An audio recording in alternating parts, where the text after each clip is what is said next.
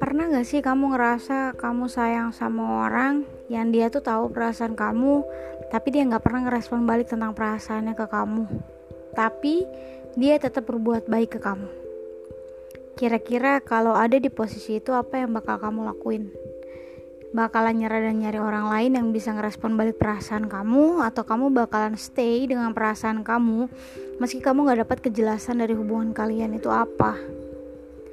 kalau aku ada di posisi itu aku bakalan bertahan dengan perasaan yang aku punya.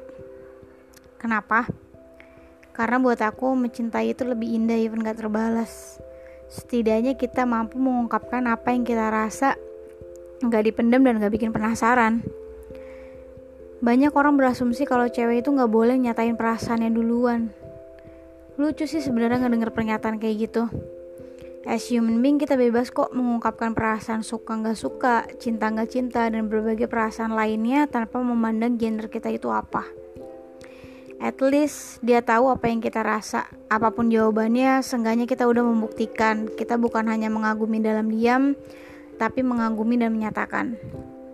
Jadi buat kamu yang saat ini masih menjadi seorang pengagum rahasia, bergerak selangkah lagi yuk dengan berani bilang sama orang yang kamu suka kalau kamu punya perasaan lebih dari suka sama dia. Apa pun jawabannya, kamu gak usah berkecil hati. Dan jangan ngebuat kamu malah balik benci karena ditolak. Kalau kayak gitu berarti rasa sayang yang kamu punya itu gak tulus. Karena ketulusan seseorang dapat dilihat dari seberapa sering dia disakiti tapi nggak membalas.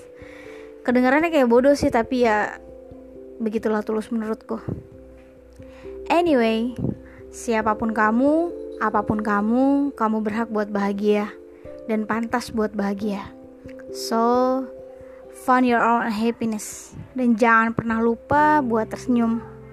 Bye. See you in my next story.